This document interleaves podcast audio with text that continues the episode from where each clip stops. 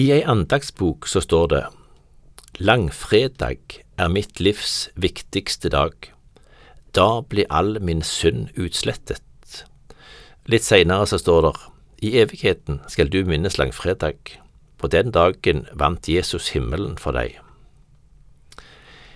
Av og til når vi leser i avisene, så er det noen store, feite overskrifter som skal få folk til å lese denne viktige nyheten. Og så blir vi av og til overraska når vi ser hva det er, for det er ikke alltid det er noe viktig som har skjedd, selv om de bruker nærmest sånne krigstyper i overskriftene. Men det som skjedde på langfredag, det er virkelig den største begivenheten som har skjedd i historien. Jesus han tar straffa for all verdens synd. Han fjerner alt som hindrer oss i å få et nært og godt forhold til Han som har skapt oss. Og nå forkynnes det for hvem som helst, du kan bli frelst, for Jesus har frelst deg. Av og til får vi høre historier om folk som har blitt kristne. For noen var det en sterk opplevelse, og de kan vitne om den dagen da livet ble nytt, fordi de fikk et frelsende møte med Jesus. Jeg gleder meg over å høre sånne historier. Det er veldig mange forskjellige historier om hvordan folk kom til Jesus. Ingen har det akkurat likt. Men grunnlaget for at vi kan komme til Jesus og bli frelst, det er det som skjedde på langfredag. La oss ta med noen glimt ifra tekstene om langfredag. Vi begynner i Johannes 18 og ifra vers 3. Judas hadde fått med seg vaktstyrken og noen menn fra overprestene og fariserene, og nå kom de dit med fakler og lamper og våpen. Jesus visste om alt det som venta han, og gikk fram og spurte dem, Hvem leiter de etter? Jesus fra Nasaret, svarer de. Det er jeg, sier Jesus. Judas svikeren var sammen med dem, han òg. Da Jesus sa det er jeg, tumla de bakover og fall til jorda. På nytt spurte han, Hvem leiter de etter? Jesus fra Nasaret, svarer de. Jeg har sagt dykk at det er jeg, sa Jesus. Er det meg de leiter etter, så la disse andre gå. Det er litt utrolig at en som hadde levd så tett på Jesus, er den som kommer med denne væpna gjengen for å ta Jesus. Han hadde sett så mange ganger at Jesus var en som var god mot mennesket, som hjalp de som kom til han i all slags nød. Og jeg tror helt sikkert at Judas hadde fått oppleve i sitt eget liv at Jesus så han, brydde seg om han og var god mot han. Likevel er han villig til å vise vei for de som vil ta livet av Jesus. Det viser noe om synda si makt. Judas hadde begynt å forsvare synda i livet sitt.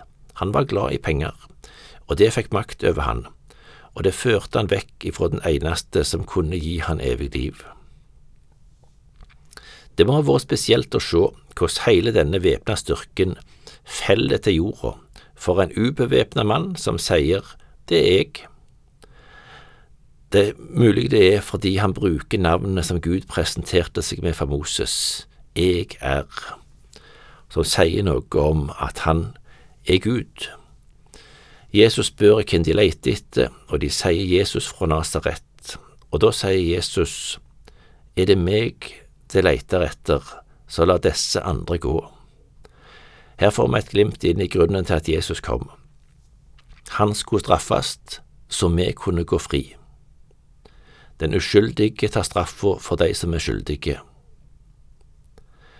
Først ble Jesus forhørt av lederne for jødene, men Jesus han svarte ikke på det som de anklagte han for. Og Så spør de han om han er Messias, og han svarer det er jeg. Da er de enige om at han bør dømmes til døden for Guds bespottelse. De spytta på han, de slo han, og så førte de han til Pilatus, og vi leser i Markus 15 fra vers 6. Hver høgtid ga Pilatus de én fange fri, den folket ba om. En som ble kalt Barabas, satt fengsla sammen med noen andre opprørere som hadde drept en mann mens opprøret sto på. Folket møtte fram og tok til å be Pilatus gjøre som han hadde for vane. Han svarer, vil det at jeg skal gi dykk jødekongen fri? For han skjønner at det var av misunning overprestene hadde gitt Jesus over til han. Men overprestene eide folket til å be om at han heller skulle gi dem Barabbas fri. Da tok Pilatus til orde at og sa, Hva vil det da jeg skal gjøre med han som det kaller kongen over jødene? Krossfest han, skrek de tilbake. Hva vondt har han så gjort, spurte Pilatus, men de skreik bare enda høyere, krossfest han. Pilatus ville gjerne gjøre folkemengder til lags. Han ga det Barabbas fri, men let Jesus bli piska, og gav han så over til krossfesting. Pilatus mente ikke at Jesus var skyldig i noen forbrytelse som han burde få dødsdom for, men han ga etter for folket og etter for deres rop. Han prøvde å få de til å velge å sette Jesus fri i stedet for opprøreren og morderen Barabbas, men de valgte Barabbas. Enda en gang så kommer det så tydelig fram hvorfor Jesus kom til jorda. En som åpenbart var skyldig, som satt på dødscella, han opplevde sitt livs overraskelse da han slapp å bli straffa. Jesus ble korsfesta, og Barabbas slapp fri. Du som hører på nå, ifølge Bibelen har du fortjent å bli straffa for din synd. Gud er en hellig Gud, og når du en dag skal møte Han, nytter det ikke å komme med unnskyldninger. Er du skyldig, så blir du dømt. Den eneste måten du kan gå fri på på dommens dag, er at du har tatt imot Jesus, som ble straffa for din synd, på Golgata. Det er interessant å lese om Barabbas som slapp fri, men det står om enda en forbryter denne dagen som fikk en spesiell dag. I Lukas 23 fra vers 39. Den ene av forbryterne som hang der, spotta han og sa, Er ikke du Messias, frels deg sjøl og oss. Men den andre talte han til rette og sa, Har du ikke ærefrykt for Gud, ennå du er under den samme dommen? For oss er dommen rettferdig, vi får bære att for det vi har gjort, men han har ikke gjort noe urett. Og han sa, Jesus, kom meg i hug når du kjem i ditt rike. Jesus svarer, Sannelig, jeg sier deg, i dag skal du være med meg i paradis.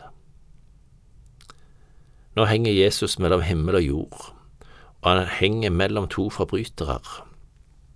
Den ene spotter, men den andre, han irettesetter han og sier at de to henger på korset på grunn av sine egne gjerninger, på grunn av sine egne forbrytelser.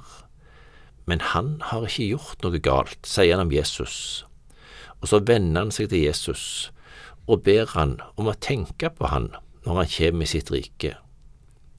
Svaret han får, viser så tydelig hva nåde er. I dag skal du være med meg i paradis. En som ikke kunne verken folde hender eller bøye kne. En som ikke kunne gjøre én god gjerning, fikk komme til paradis fordi han vendte seg til Jesus i sin nød. Jesus betalte for frelsa hans der på korset. Han betalte for de frelsa òg. Derfor kan du òg vende deg til Jesus, tro at han døde for deg, så får du òg bli med til paradis. Jeg vil slutte med et vers som jeg er utrolig glad i. Det står i Johannes 19 vers 30. Da Jesus hadde fått vineddiken, sa han, Det er fullført. Så bøyde han hovedet og anda ut det er fullført, det er fullbrakt, prisen er betalt, alt som skal til for at du skal få det evig godt, det var gjort når Jesus døde.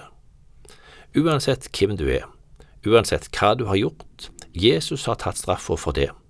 Kom til Jesus, bekjenn din synd, og tro at det han gjorde, det gjorde han for deg.